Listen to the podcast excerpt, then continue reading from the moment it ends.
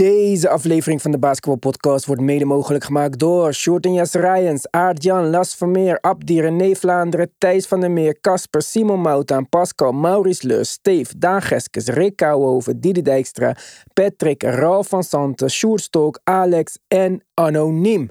Speciale shout-out naar onze GOATs. Robert Heiltjes, Yannick Tjongajong, Wesley Lenting, Tarun en Yannick, Samet Kaas, Myron, Tim Davids en Joey Dallas.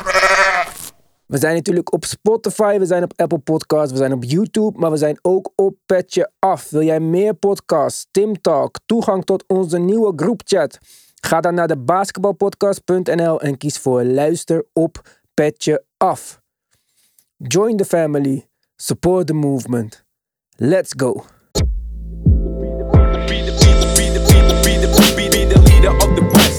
I gotta fight to get you in the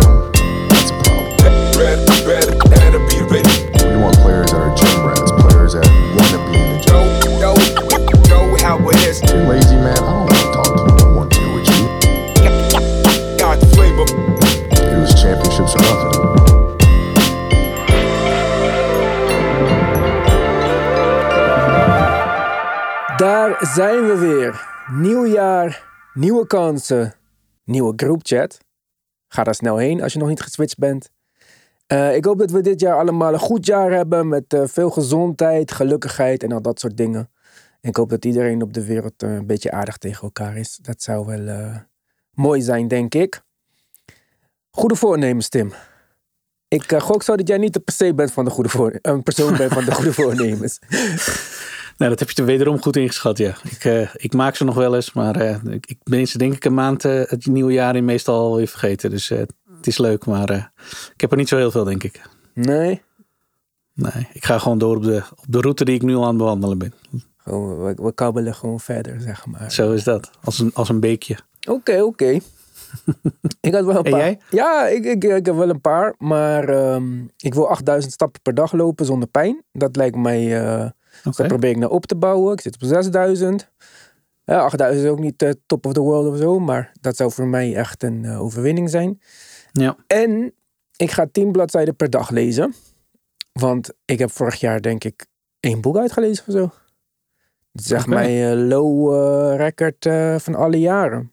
Mhm. Dus ik dacht 10 bladzijden per dag. Nou, dat is echt super haalbaar natuurlijk. Want dat is, Ja. kan je letterlijk op de wc doen als het moet. En eh, dat is toch eh 3650 pagina's per jaar.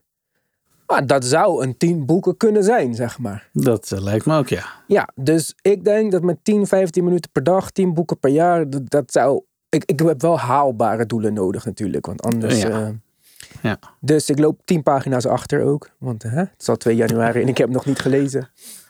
Maar ik, heb, ik heb goede hoop dat het wel gaat gebeuren. En ligt je boek al klaar? Nou, ik heb een e-reader, dus er li- liggen allemaal boeken tegelijk klaar. Titels. Zeg maar. Ik heb Ja, wel naast mijn bed gelegd. Dus eh, Ja. ja. Maar je hebt ook al titels uitgezocht die je wil gaan lezen, zeg maar. ik heb veel eh, boeken. Altijd als ik een boek zie of hoor of zo, dan eh, schrijf ik die op of dan eh, zet ik Ja, hem gelijk op mijn e-reader. En dan kom Ja. ik er meestal niet aan toe.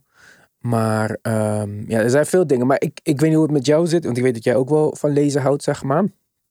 Mijn smaak in lezen verschilt meer dan wat dan ook.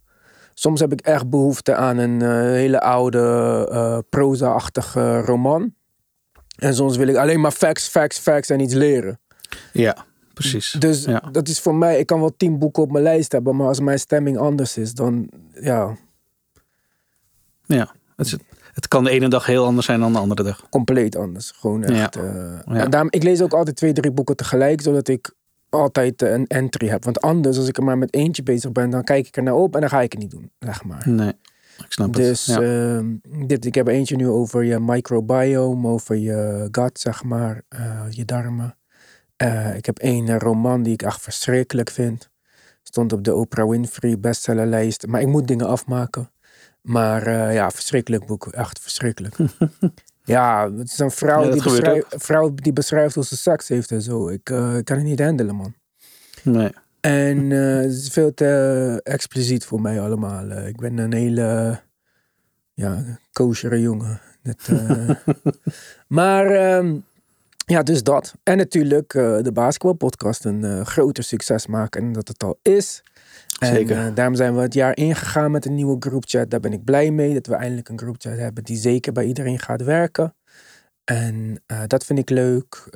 Video zou uitgebreider moeten worden. Maar het komt allemaal. het is wat het is. Soms gaat het niet zo snel als je wil. Maar alles gebeurt op het juiste moment. Zolang je maar geduldig bent, denk ik. We gaan ervoor. En zo ook de OG Ananobi trade. We hebben er Zo lang op dat. gewacht. Hij is er gekomen. Daar hebben we een uitzending over gemaakt. Ga die checken als je dat nog niet hebt gedaan. Dat waren onze eerste reacties. Gisteren hebben de Knicks eh, gespeeld. Tegen de nummer 1 in de NBA.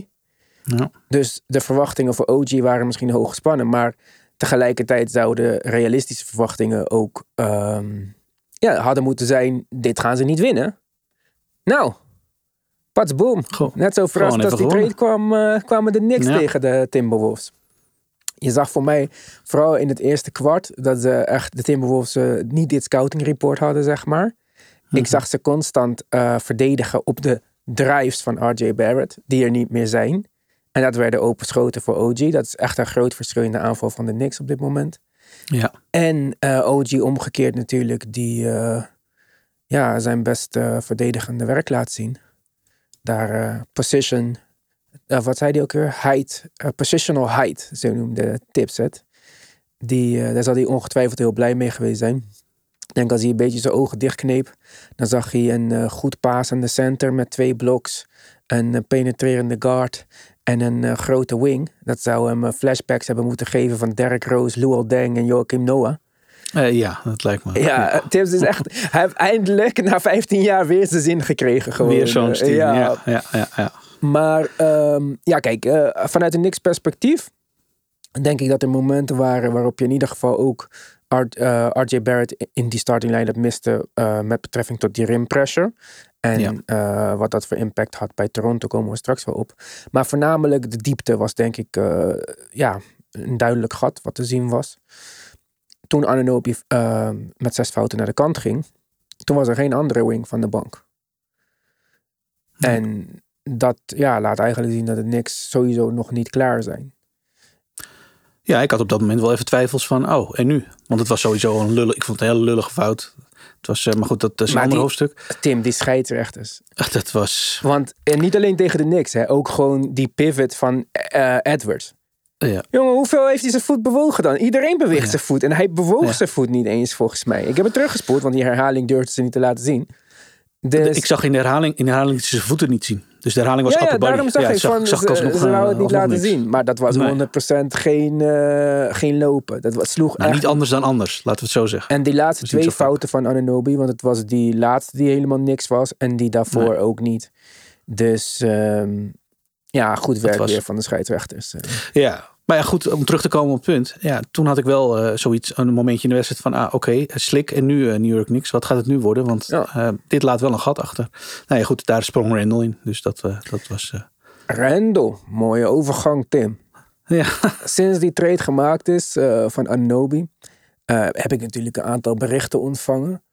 En ik denk dat boven alles was het, het meest voor, de meest voorkomende eh, gedachtegang van ja, het maakt toch niks uit zolang Randall nog daar is. En nu weet iedereen die deze podcast luistert dat ik absoluut eh, geen Randall-fan ben geweest de afgelopen drie, vier jaar. ja. Ik heb wel wekelijks geroepen: trade hem, trade hem, trade hem. Zelfs toen hij op zijn piek was, twee jaar geleden, dacht ik: ja, cash in nu. Want nee. Vorig jaar vond ik het tegenvallen. Dit seizoen leek het even alsof we echt weer begonnen met een eh, drama. Maar, ik heb het al eerder gezegd, ik weet niet of het op Patch af was of in de regular season. De laatste, nou het zijn nu misschien al 15 wedstrijden, is Randall gewoon de beste power forward in de NBA. En dat wordt overlooked van hier te Tokio, vind ik. En dus ook door niks fans. Want al die dingen wat wij jarenlang zeiden, zijn demeanor on the court, hè, die negative Nelly die hij altijd was, is er niet meer. Hij is Nee. efficiënter, meer bereid om te pasen, heeft geen ego, schikt zich als Brunson hard is gewoon in een tweede rol.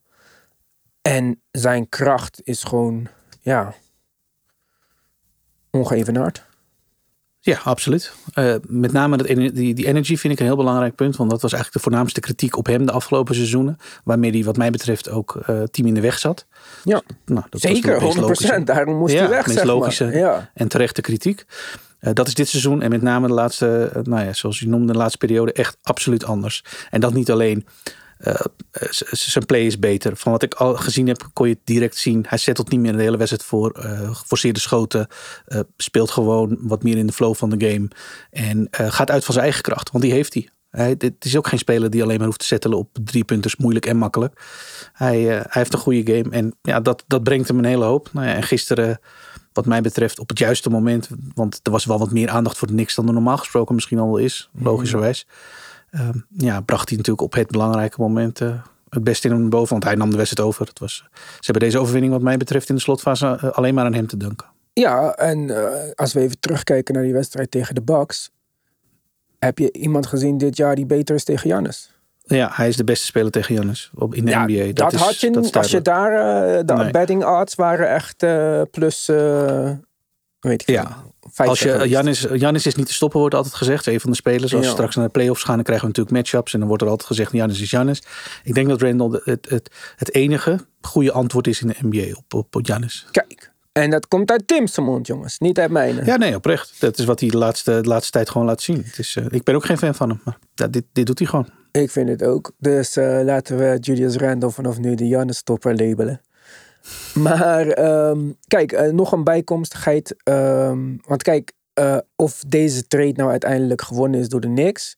Ja, ik, ik denk nog steeds dat één roleplayer traden voor twee spelers die bij het andere team na de trade van Siakam in de top drie van de spelers belanden ja, het is niet een evenwicht trade. Het, het is wat ze nodig hadden.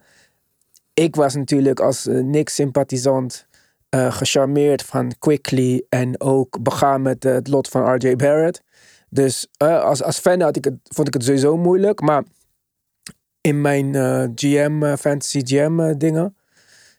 Ja, ik, ik, eh, ik had toch liever gezien dat het RJ Barrett was en wat picks. En dat dan als je afscheid wou nemen van Quickly, dat gebeurde in een andere trade om die return te maximaliseren. Ja. Dan ehm, allebei voor een roleplayer. Want ook al unlockt het veel binnen de Knicks. Er is meer spacing, dat betekent meer ruimte voor Brunson en Randall.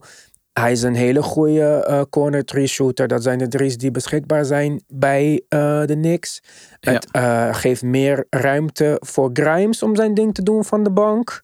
Wat ook heel erg belangrijk is naar mijn mening. Maar als McBride hoeven we niet meer te zien. Alsjeblieft. Ik denk dat dit project binnen één wedstrijd afgeschreven kan worden. Thanks voor die verlenging. Maar hij is de third string guard en niet de second unit guard. Nee. En Josh Hart kan eindelijk weer op zijn natuurlijke positie spelen. En dat wat Josh Hart zo goed maakt, hè, die rebounder, goede rebounder voor zijn size, dat verdween de eerste helft van het seizoen, omdat hij het opnam tegen mensen van niet zijn size. Nu mag ja. hij weer op zijn natuurlijke positie die dingen doen. Eindigde de wedstrijd gelijk, volgens mij met negen rebounds. Eh, als hij een rebound Elf pakt, zelfs. Elf, Elf zelfs. Oh, zo. Elf, hij kan de bal pushen in transition. Dit unlockt ja. ook alle uh, goede kwaliteiten van Josh Hart. Dus die move, ook al waren het twee spelers waarvan één je beste six man en één starter voor een roleplayer, het maakt wel de rest van de spelers beter. En dat is ook iets wat je moet meenemen, denk ik.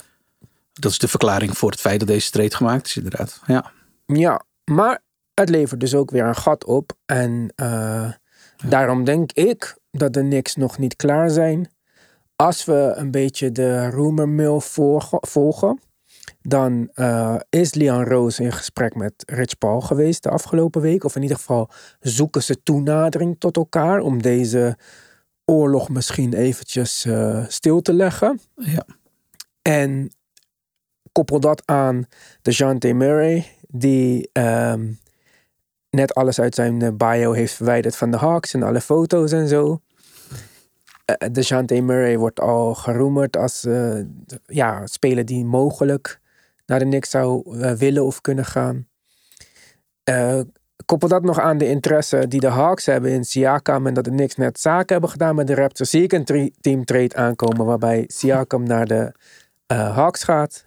DeJounte naar de Knicks. En picks en of jonge spelers, combinatiedingen naar de Raptors. Het zou, eh, het zou eh, heel logisch zijn, laat ik het in ieder geval zo zeggen. 5 januari.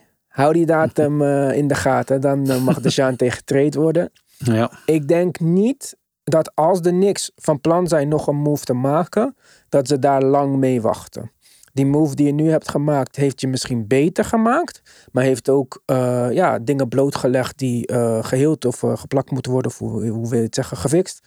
En je moet snel handelen, want wij hebben het er al over gehad eh, buiten de podcast om homecourt advantage in de playoffs is belangrijk voor de Knicks. Je wil de Celtics en de Bucks zo laat mogelijk tegenkomen.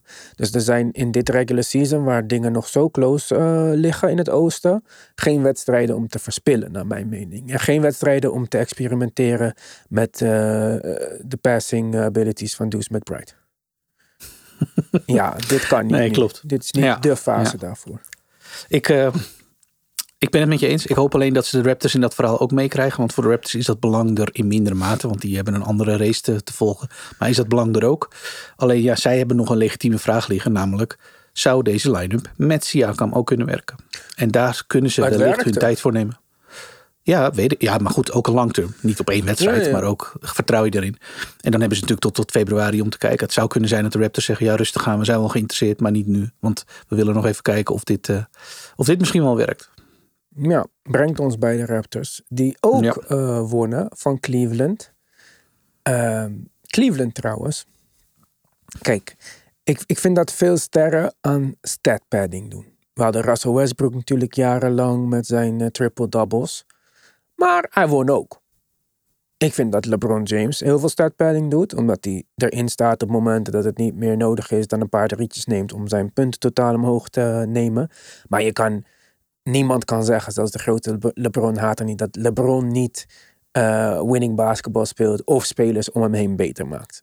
Dit, dit is duidelijk het geval. Duidelijk, ja. Voor mij, de nummer één speler die precies niemand op zijn team beter maakt en ja, daarom ook ja, nooit genoeg kan scoren om echt het verschil te worden, is Donovan Mitchell.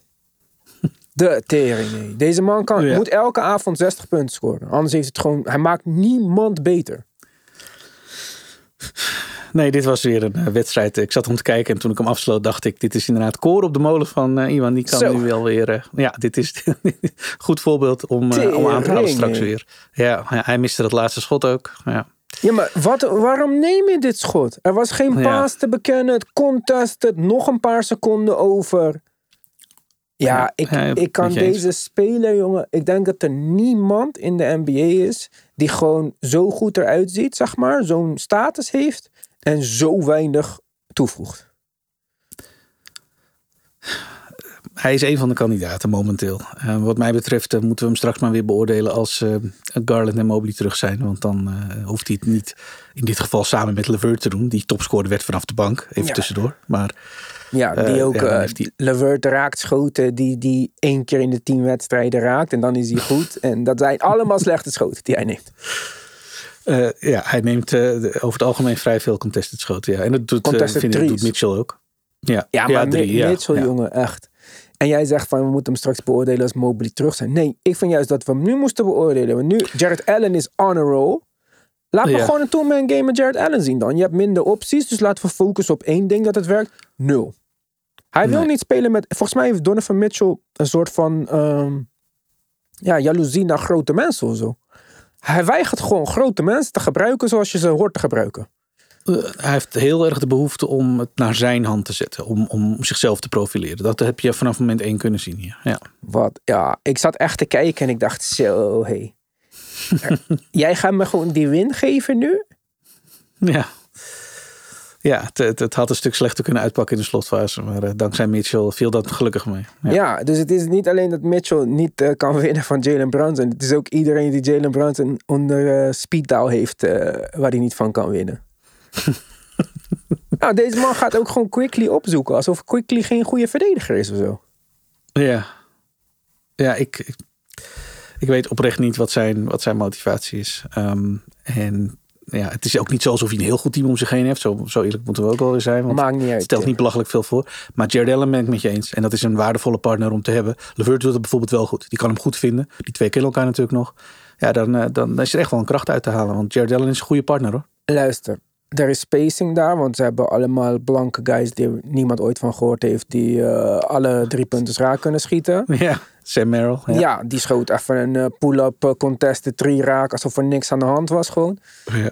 En eh, je kan pick and roll met Jared Allen spelen, je kan kicken naar buiten, hè. je bent toch zo een goede guard. Dus er, er, is, er vallen zoveel dingen uit te halen. Ik kan werk, ik weet niet hoeveel, want ik vind dat Donovan Mitchell al jarenlang overrated is. Maar ik weet bijna zeker dat ze hem raten als een top 10, 15 speler in de NBA. Officiële lijstjes en zo.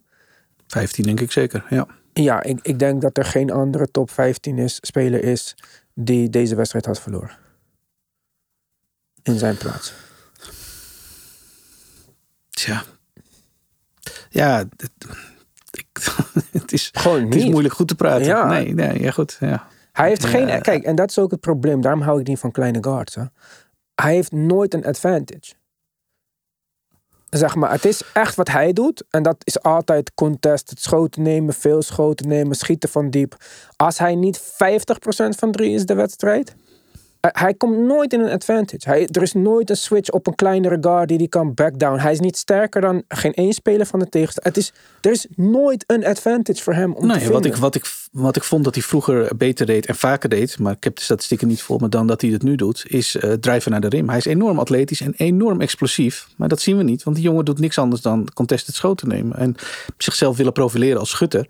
Wat volgens mij niet zijn game is, niet alleen. Hij, ik vind juist dat hij zijn atleet, eh, at- atletisch vermogen en zijn explosiviteit meer zou moeten benutten. Want dat kon hij goed hoor. Ja, maar hij drijven naar heel de basket betekent dat hij ook moet willing zijn om te pasen. En dat Ja, is hij niet. klopt.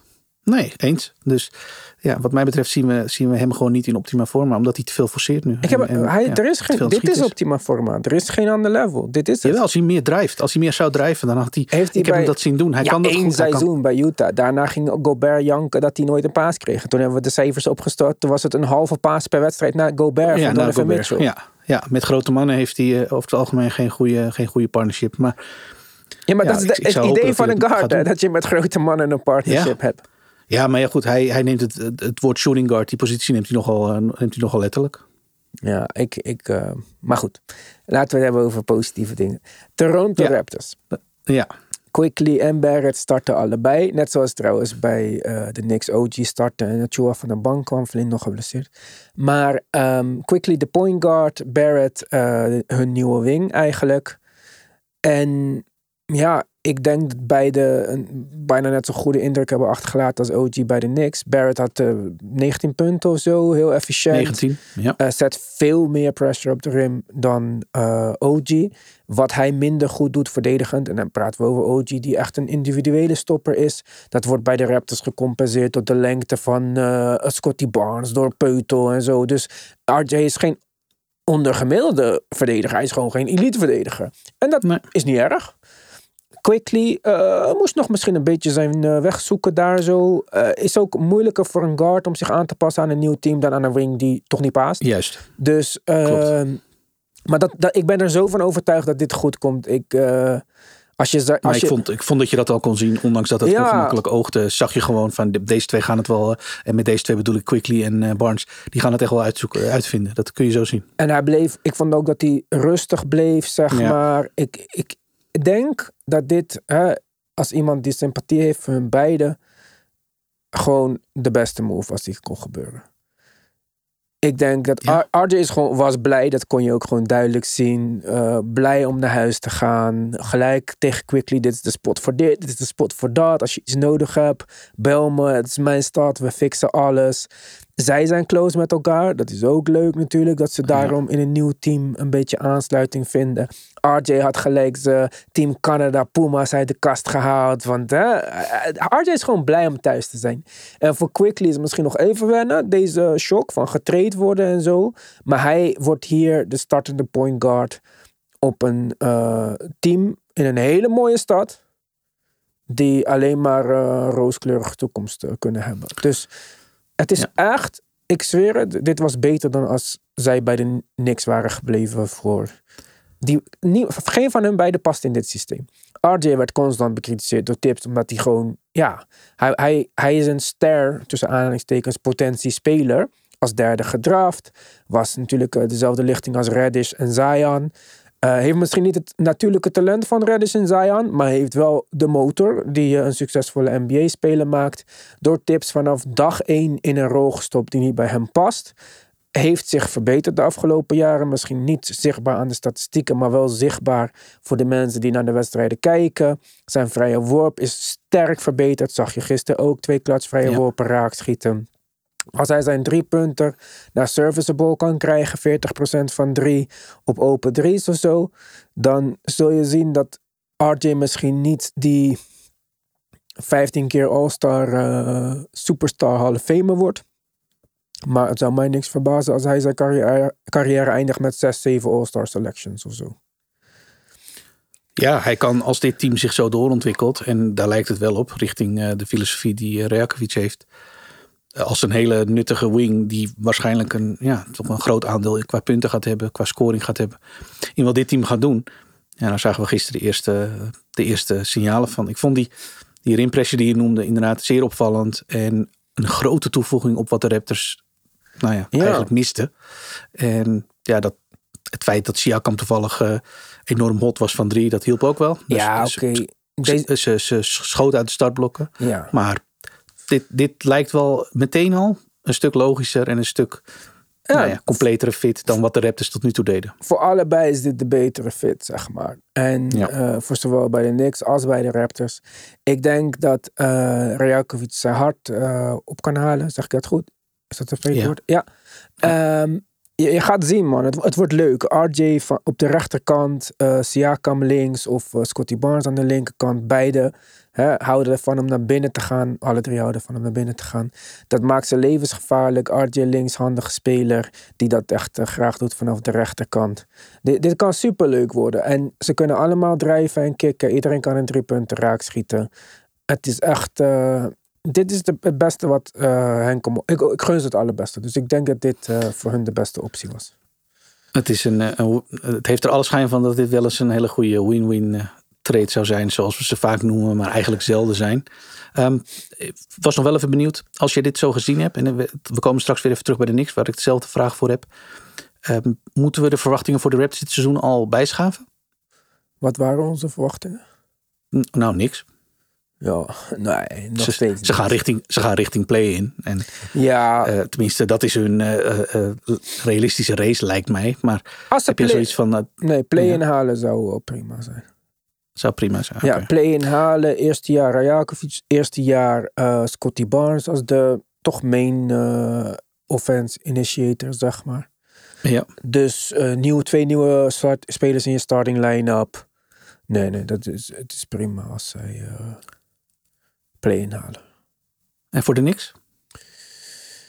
Ja, op dit moment denk ik dat ook al is OG een betere fit voor de starting line-up, maakt hij het leven voor eh Brunson, Randall, Hart en Grimes makkelijker. Ehm, ik, ik denk niet dat zij overal genoeg beter zijn geworden, zeg maar.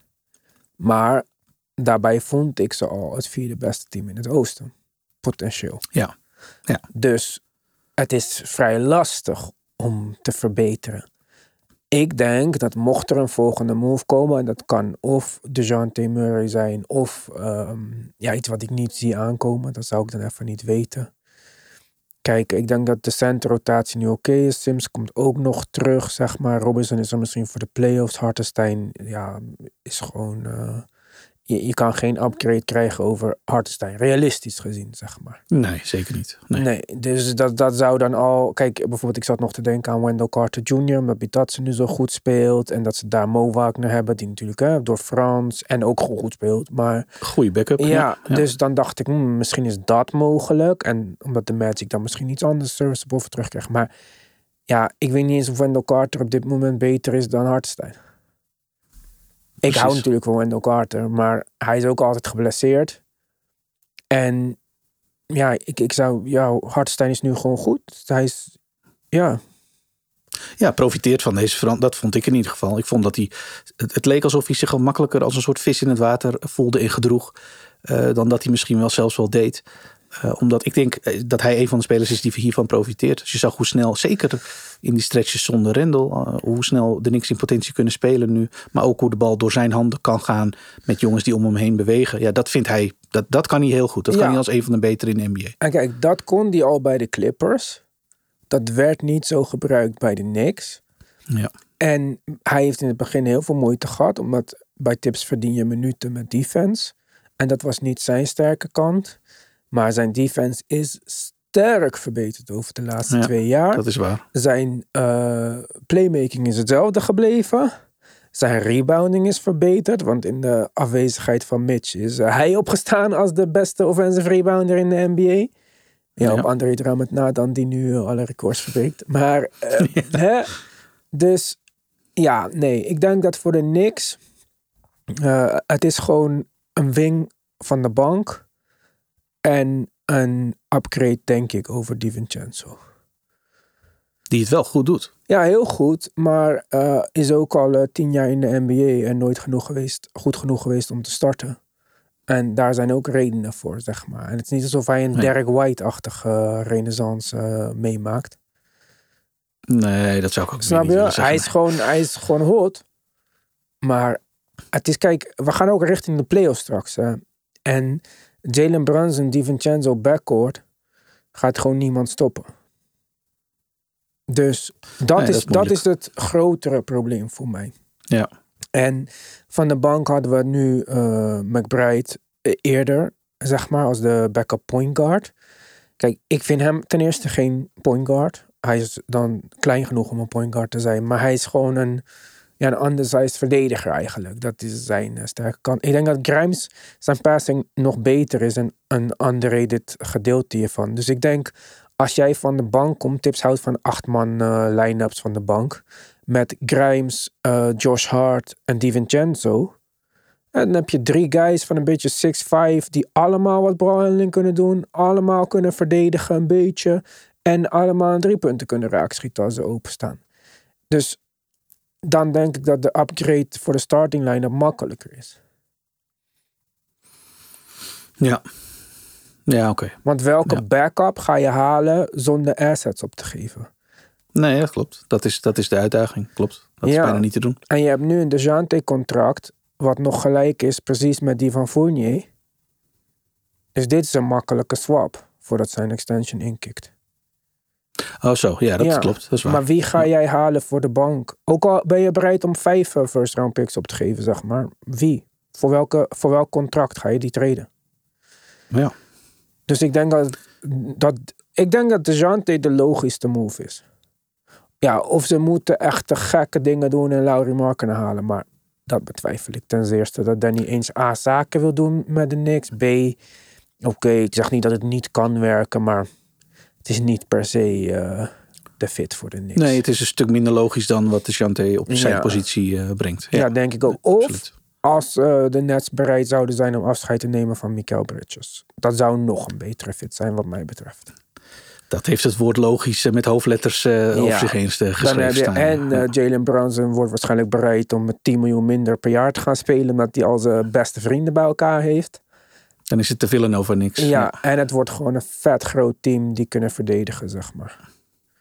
Ja. Kijk, Mikael Bridges, OG, Randall, dat, dat is een ziek, sterke, grote... zeg- Line-up. Ja, kijk, Ja, DeJounte is ook 6'5, hè, daar niet van. En kijk, wat, waarom ik denk dat DeJounte bij de Knicks is, was ik er niet zo eh, happig op. Maar ik denk dat het dingen ook opent voor Brunson. Die, ho- hoewel die natuurlijk eh, een stap heeft gemaakt on bal de laatste twee jaar bij de Knicks. Het niet super erg vindt om off-bal te spelen. Als je het naast Luca kan, dan een van de meest ja. spelers. En daarin kan floreren. Maar eh DeShante speelt daarentegen weer minder dan dat hij deed bij de Spurs. Waar hij gewoon een walking triple-double eh, was. Mensen vergeten dit zeg maar af en toe. En een goede defender. Eh, dat kan hij weer niet bij Atlanta doen. Omdat Trae Young is gewoon de betere passer. En heeft daarvoor de bal ook gewoon nodig. Dus ehm, ik denk dat het allebei de spelers gewoon ehm, wat ze hebben gedaan in de afgelopen jaar wordt ge- afgelopen twee jaar wordt gemixt met wat ze van nature doen. En dan weer logisch in elkaar eh, valt. Als het een Ja. beetje duidelijk is wat ik eh, bedoel. Zeg Ja, nee, klopt. Dat, dat- lijkt mij ook. Ja. Deze twee kunnen dat, moeten dat samen kunnen.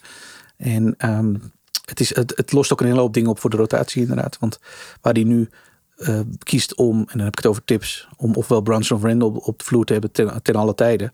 Kun je zeggen van nou ja, we hebben dus ook situaties waarin de Jante de balhandler wordt van de second unit of Brunson of andersom. Het, je kan door een seizoen heen, ehm, ja, kun je, kun je qua rotatie veel makkelijker werken met die trio dan dat je nu moet doen met die duo.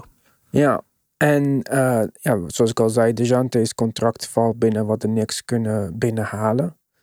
En want volgens mij kan je een disabled player exception niet gebruiken aggregate in een trade, toch?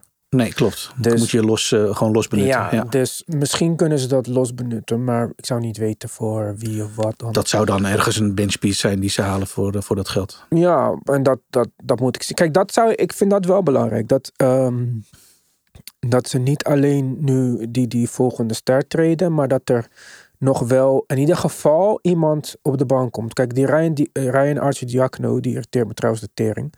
Maar eh, ja, kom op. ah, die zit daar echt als cheerleader gewoon. Die is cheerleader. Ja, dit is de Thanasis Antetokounmpo van de Knicks. Ja, Ja, fuck ja, you man. Eh, ga weg joh. Ik heb jou nog nooit zien spelen. Dus ehm, kijk, als daarvoor in de plaats in ieder geval een Cam Reddish, Kevin Knox op de bank zit, zeg maar. Zelfs al gaan ze niet echt spelen. Maar gewoon iemand die niet 6'4 is of 6'5. Beetje lengte heeft. Ja, Ja, dat zou wel fijn zijn. En Tips moet gewoon stoppen met McBride spelen en stoppen met Gibson spelen. Want dit is eh, nergens voor nodig. Nee, uh, Precious Achua was ook, niet, eh, was ook een beetje moeizaam. Die heeft Ja, ook een paar, Maar paar schijnbewegingen en toen werd hij weer naar de bank gehaald. Dus eh, oké. Ja, maar dit, dit komt goed. De tips gaat even met hem praten. Eh, dat wordt zijn eh surrogaatzoon. Dit is precies de center wat tips wil hebben. Center mag niet te veel Ja. doen.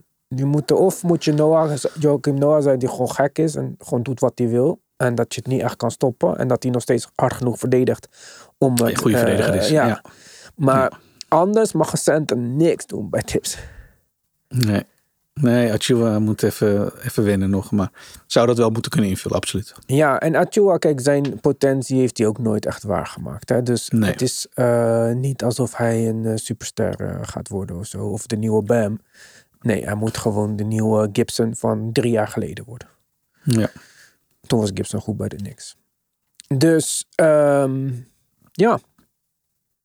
De samenvatting van de trade. Ja, het is in ieder geval leuk om allebei te volgen. En eh, zoals ik al zei, ik denk voor Barrett en Quickly is het fantastisch. Ik denk dat mensen heel erg onderschatten wat Toronto ook voor stad is. Niet alleen door de fans en het Jurassic Park en hoe mensen daar achter je staan. Niet alleen de stad, maar misschien wel het hele land. Omdat het het enige Canadese team is.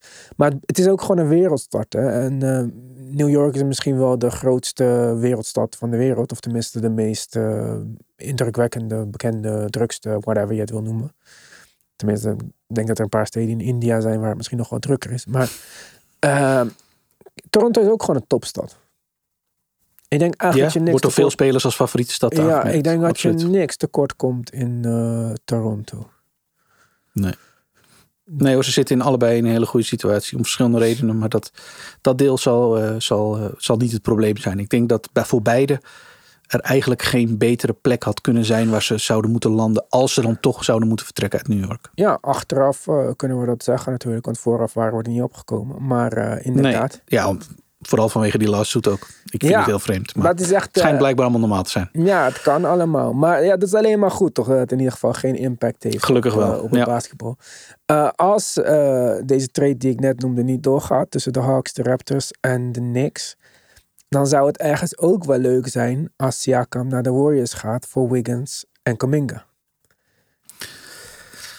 Hij is genoemd als, eh ja, als trainer naar de Warriors. Ja, Ja, ja. en dan hebben we nog een eh, zoon van Canada thuis. En Kuminga. Dan worden de Raptors echt een ziek lang wingteam. Dan hebben ze eigenlijk alles wat ze verloren met Anunobi drie keer teruggehaald, zeg maar. Ja, ja klopt.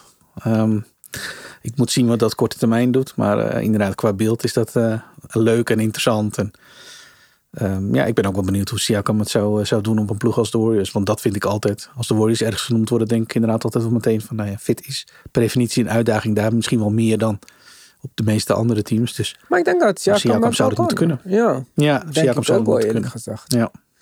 Ik zou niet weten om welke reden dat dat eh, niet zou kunnen.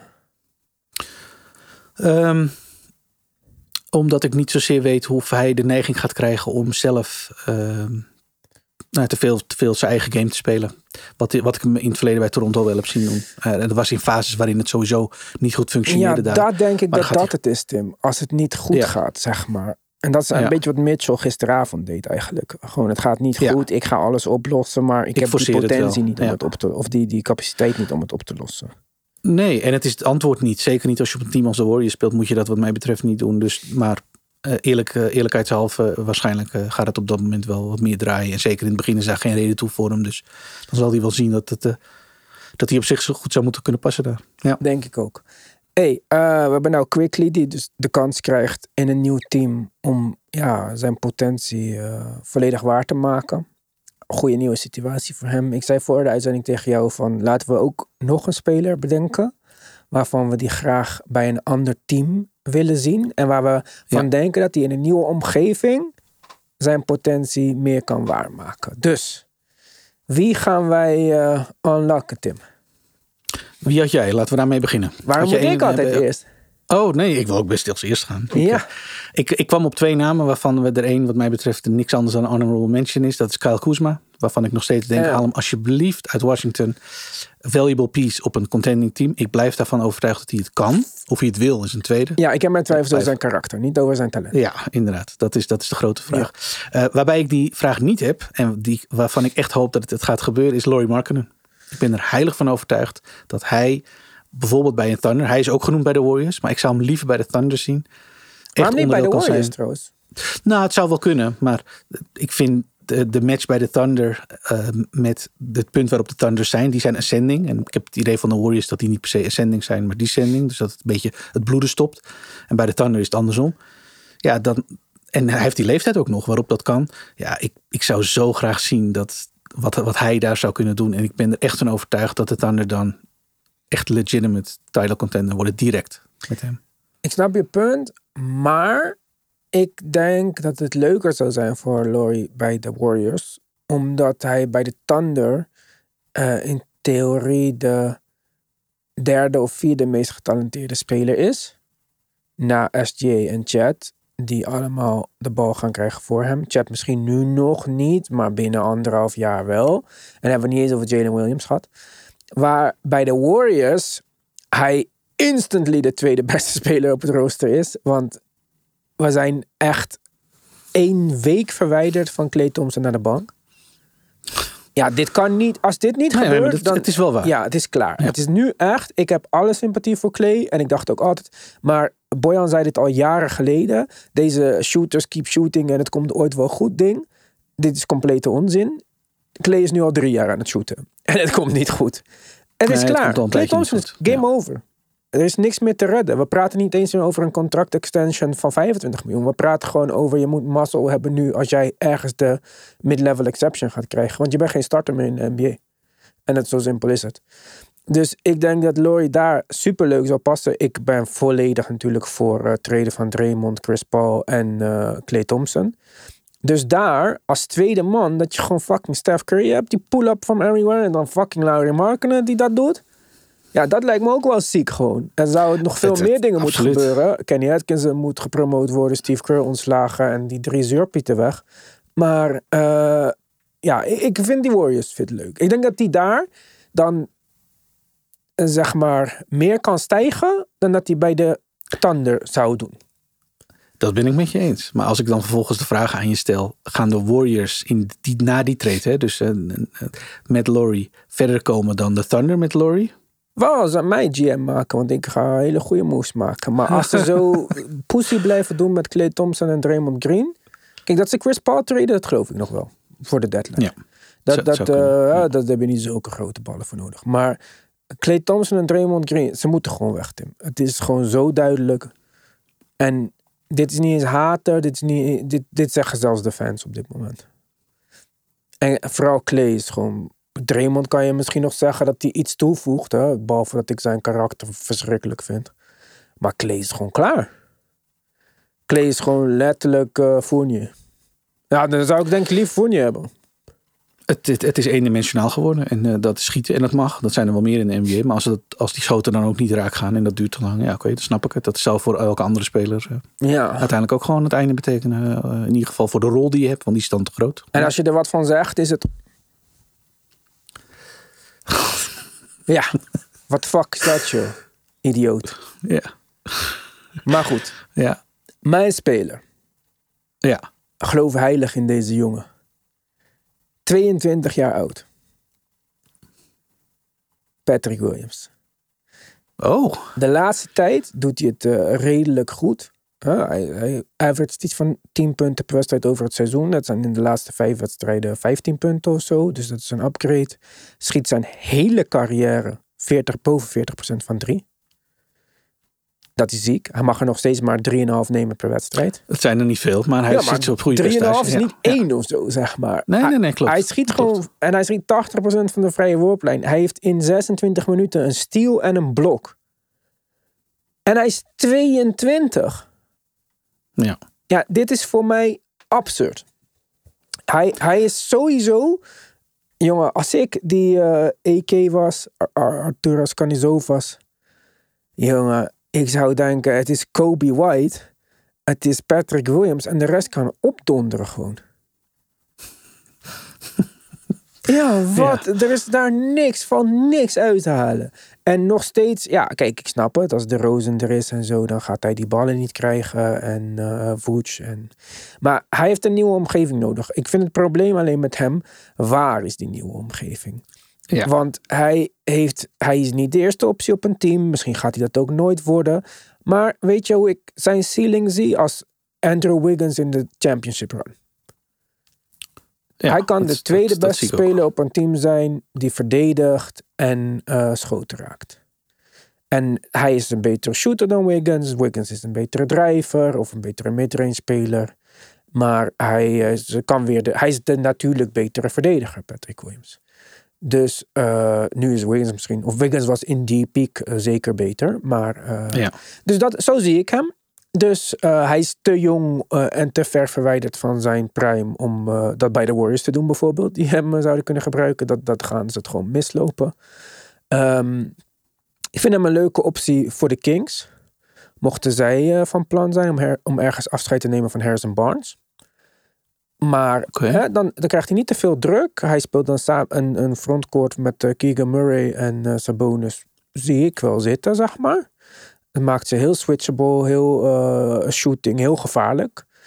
Ja, dat maar daarvoor moet Barnes weg. En ik zou niet weten waarom de Kings, die aan het proberen om te contenden zijn, een stap terug zouden nemen. Want dat neem je natuurlijk als je een jonge speler probeert te forceren. Ja. Er zijn gewoon niet zoveel teams op dit moment die, die, die hem echt Nee, een die- eh, duidelijk eh, een goede rol zouden kunnen geven. Nee, klopt. De situatie is wat lastig. Je zou een team moeten hebben die weliswaar de weg omhoog heeft ingeslagen, maar Ja. nog, niet, hè, nog niet aan het einde daarvan staat. Dus hij zou nog een jaar eh, goed moeten kunnen gellen en, en, en nou ja, Ja. ontwikkelen daar om vervolgens een leuke playoff run te maken met datzelfde team. Ja. Ja. maar ook niet naar de Utah Jazz, waar je gewoon voor Jan Doedel speelt, zeg maar. Want dat lijkt die me gaan niet motiverend voor niemand. Dus Nee. misschien als de Raptors afscheid nemen van eh Siakam, dan ga ik naar Raptors kijken. Patrick Williams, Scotty Barnes, RJ Barrett, Quickly. Dat, eh, dat zou ik heel leuk vinden. Ik denk dat deze jongen gewoon niet eh, op dit moment gewaardeerd wordt zoals hij moet worden gewaardeerd. Nee, gaat nog wel ge- gebeuren. Tenminste, we gaan zien hoe dat gaat gebeuren. Want volgens mij wordt hij eh, komende zomer eh, restricted free agent. Dus dan gaan we zien wat zijn markt is. En wat de Bulls hem willen meegeven. Of dat ze zeggen nou... Want ik heb niet het idee dat hij daar heel erg gewaardeerd wordt. Als, als, als Helemaal op niet. een nieuw En contract. het- hij, Nee. hij doet weinig fout. En dat is zo gek, zeg maar. Ja, hij is wat te passief. En hij is misschien niet elke Ja. wedstrijd nadrukkelijk genoeg aanwezig. Maar het is ook niet, het is absoluut niet de omgeving voor hem. Nee, ik ben het met je eens. Ik, ik denk dat kritiek op hem kan zijn dat hij inderdaad wat passief oogt. Maar oké, eh, ik zou zeggen, ga maar eens een stap naar voren doen op een team waar de Rosen en Lavine toen hij nog speelde en uh, Vooch uiteindelijk ook. de dienst uitmaken. Nu met Kobe White, die, eh, die natuurlijk speelt alsof hij eh, nou ja, prime Steph is. eh, dat helpt ook niet voor, eh, voor zijn case, omdat er dan heel veel ballen langs hem heen gaan en zijn rol automatisch wat kleiner wordt. Ehm, maar ja, ja, nogmaals, eh, van zijn situatie gaan we denk ik heel binnenkort zien wat hij, eh, wat is. Ofwel dat de Bulls er zelf een klap op geven eh, voor februari, omdat ze geen zin hebben in die restricted free agency. Of dat hij in de zomer uiteindelijk door iemand die wel zegt van nou we hebben de cap space. Dit is een jongen waar wij nog wel een gokje op willen wagen. Want dat kan gezien zijn leeftijd nog. Dat is interessant. 22, Dit is een Tim. jonge, En ja, je kan een jonge restricted free agent. Je kan hem nu een contract geven van vier jaar. Ja, ik denk als je vier jaar 60 betaalt, dat de Bulls niet matchen. En, eh, nee, je zou nee, zo wat want, denk want ik, anders hè? was die verlenging Nou, wel geweest. Ja, Ja, vier jaar 60, zo hé.